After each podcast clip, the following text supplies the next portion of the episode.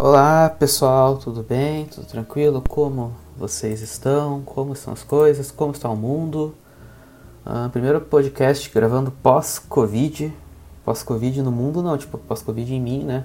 Outro episódio que eu gravei esse ano ainda estava com, com Covid, ainda estava, estava falando bem diferente, minha voz estava, estava falhando bastante. E não que não esteja agora, mas agora está um pouquinho melhor. E vamos seguir para esse 2023 que as coisas têm que seguir, né? Não dá pra. Como eu comentei no último episódio, tipo, as coisas não mudam, os planos mudam, mas a gente tem que seguir uma hora, né? Tipo, tudo segue e, e que mude os planos, mas as coisas. Tem que seguir, os planos mudam, mas as coisas não param, né? Tipo, então. É... Enfim, bora lá, vamos, vamos para mais um ano aí, vamos quebrar tudo esse ano, porque a gente precisa preciso ganhar dinheiro esse ano, galera. Então, por favor, me contratem, contratem consultoria, contratem escritório, contratem, sei lá, cara, me deem dinheiro, manda dinheiro no meu Pix, ó, é cpais13@gmail.com, manda manda meu Pix aí. E eu preciso de dinheiro também aí, galera. Então manda manda aí. Eu queria falar hoje sobre um assunto ali que, que eu tô um pouquinho focado durante esses, esse último mês aí, porque, enfim, eu, eu acho que é um assunto muito engraçado, assim, que, que acontece no nosso mercado de marketing. Há um tempo atrás, é, na verdade, assim, desde sempre, eu sempre critiquei muito os gurus de marketing, sabe? Eu, eu, eu sempre falei muito mal deles, assim, tipo, de, de, todos, assim, sabe? Eu acho que tem uma galera que eu gosto do conteúdo, mas eu não gosto da atitude guru de marketing, sabe? Eu não gosto desses caras, assim, porque eu acredito que eles vendem um sonho que é irreal. Eles vendem um sonho que é que não existe, assim, tipo. Eu, eu sinto que muitas vezes eles vendem o sonho da facilidade de ganhar dinheiro fácil, sabe? De, de, de uma vida perfeita, sabe? Que ela, a gente sabe que o mercado de marketing não existe isso. Ah, mas fulano de tal conseguiu. Cara, tipo, toda área tem os fãs de tal que conseguem ser, tipo, o cara que faz um negócio completamente nada a ver e, e dá certo, sabe? Tipo, o cara que vai contra, contra tudo que é normal, digamos assim, e, tipo... Beleza, você pode vender, vender assim, ah, tipo, você, mas você não precisa seguir a onda, que é o que eu sempre vendo também, né? Mas... Cara, sempre tem um cara que faz na cagada e dá certo, sabe? E a gente não pode vender isso como a regra do mercado de marketing, sabe? Tipo. E. Cara, eu não vejo. Eu, eu sou defensor do, do trabalho firme, sabe? Do trabalho duro, do trabalho sério, principalmente. Eu acho que não do. Não, não sou defensor de você ficar virando a noite trabalhando, mas eu sou defensor do trabalho sério e com resultado, sabe? Então, cara, vai estudar marketing, vai estudar os caras que manjam de verdade, vai estudar Kotler, vai estudar. Enfim, to, todos esses caras aí que, que se entendem mesmo, vai procurar a galera que cria campanha todo dia. Essa galera que faz o marketing acontecer. Agora sim, cara, o que a gente vê de infoproduto desses caras de marketing que, putz, o cara. A galera começou, entrou no mercado ali em 2020, em 2021 já estava vendendo curso. Porque ela conseguiu uma escalada muito rápido dentro do mercado de digital, é, com seguidores, e consegue, consegue vender curso em cima disso, sabe? Tipo, Agora todo produtor de conteúdo ele quer vender um curso, porque é um dinheiro que é fácil, assim, na cabeça de algumas pessoas, assim, sabe? E acaba que a gente tem muito infoproduto que, cara, você olha assim e fala, cara, isso aqui não podia ser pago nunca, sabe? Isso aqui o RD Station tem um monte de materiais gratuitos que são melhores que esse, sabe? Os e-books sem pé e cabeça, curto, e-book de 10 páginas, a galera vendendo por 19 reais, sabe? E beleza, não quero colocar preço no trabalho dos outros, mas cara, tipo, um infoproduto você vem, você mexe ali, ah, você vai revolucionar o mundo, você vai mudar o seu marketing. Uns cursos. É, puta, uns cursos muito ruins que a galera tá vendendo, tipo. É, aula de 2, 3 minutos, sabe? E é muito isso, tipo, posicionamento de guru, você se posiciona como guru e sai vendendo ali. E a galera acredita em você, acredita que aquilo ali pode fazer com que a tua empresa vire de verdade, sabe? Tipo, que, que, você pode viver aquele sonho que você vê desses gurus viajando, trabalhando de onde quiserem, trabalhando 4 horas por dia.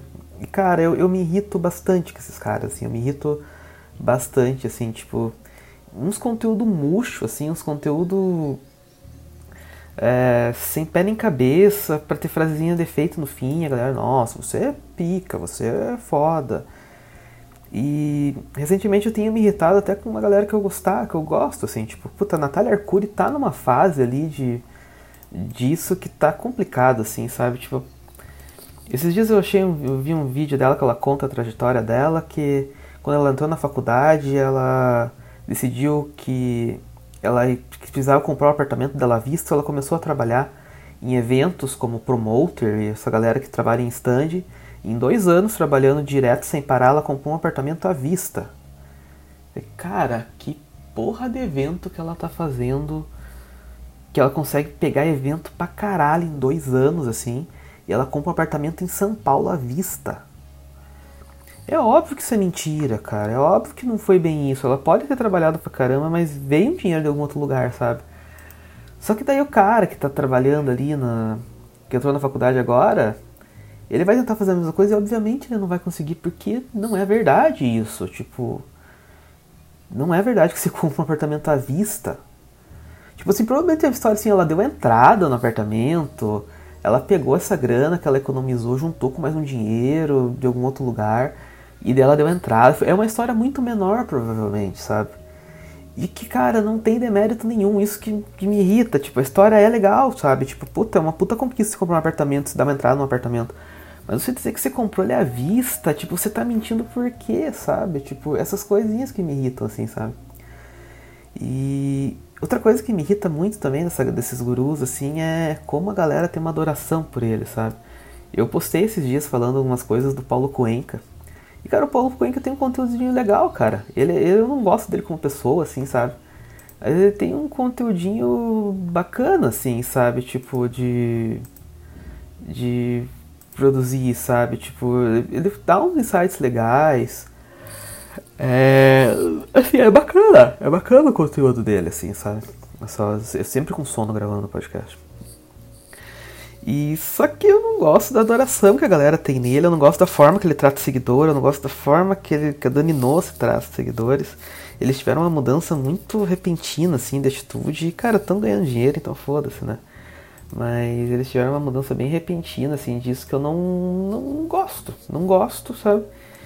E, cara, eu fiz uns posts, assim, eu, eu lembro que eu nem falei muito dele, assim, sabe? Eu tirei sarro, eu tirei sarro que, que eu, de uma notícia que saiu lá. Conheça Paulo Cuenca, a maior autoridade de marketing digital do Brasil, sabe? A grande lenda no marketing digital do Brasil. falei, cara, que porra é essa, sabe? E daí eu postei tirando sarro e Cara, vi umas três pessoas. Ah, por que ele não é? Por que, que você fala mal dele?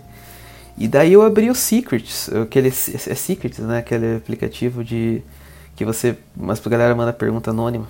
Só chega coisa aleatória lá. E daí um, uma pessoa me perguntou por que, que você fala mal do Paulo Cuenca? Ele não é bom? E cara, tipo, eu peguei aquilo ali, cara, eu peguei aquela pergunta e eu fiz um textão ali.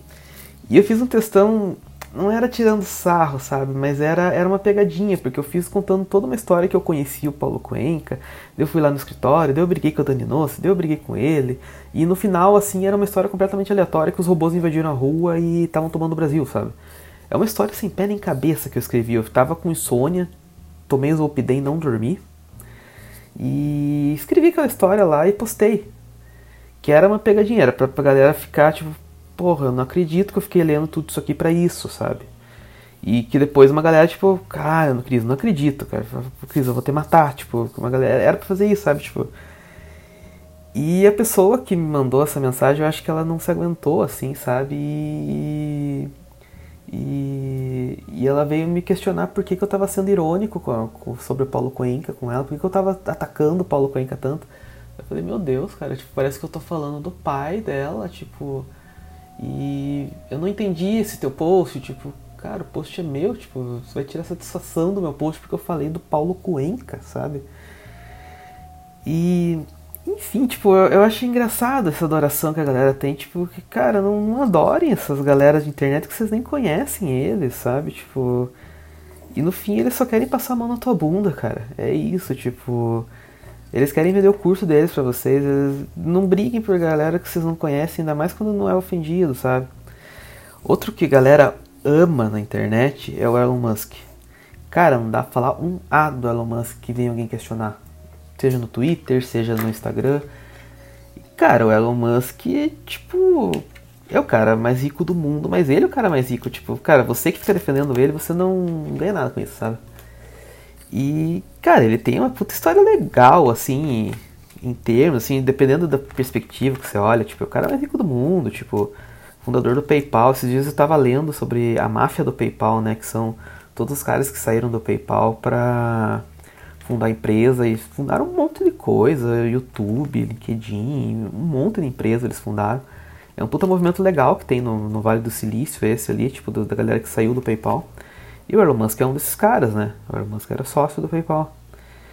E. Mas, cara, o Elon Musk, sim, ele tá fazendo cagada atrás de cagada no Twitter, então, tipo. Ele já teve atitudes bem condenáveis, sabe? Aquela vez do mergulhador que salvou as crianças, ele acusou o cara de pedofilia, sabe? Porque o cara salvou antes dele, sabe? Tipo, tem, tem uns negócios assim que, tipo, eu não, não gosto do Elon Musk. E eu tiro o sarro porque é um trilionário que tá lá na PQP e, tipo, foda-se, sabe? Tipo. É, tira sarro desses caras mesmo, sabe? Tem que parar de, de puxar saco desses caras.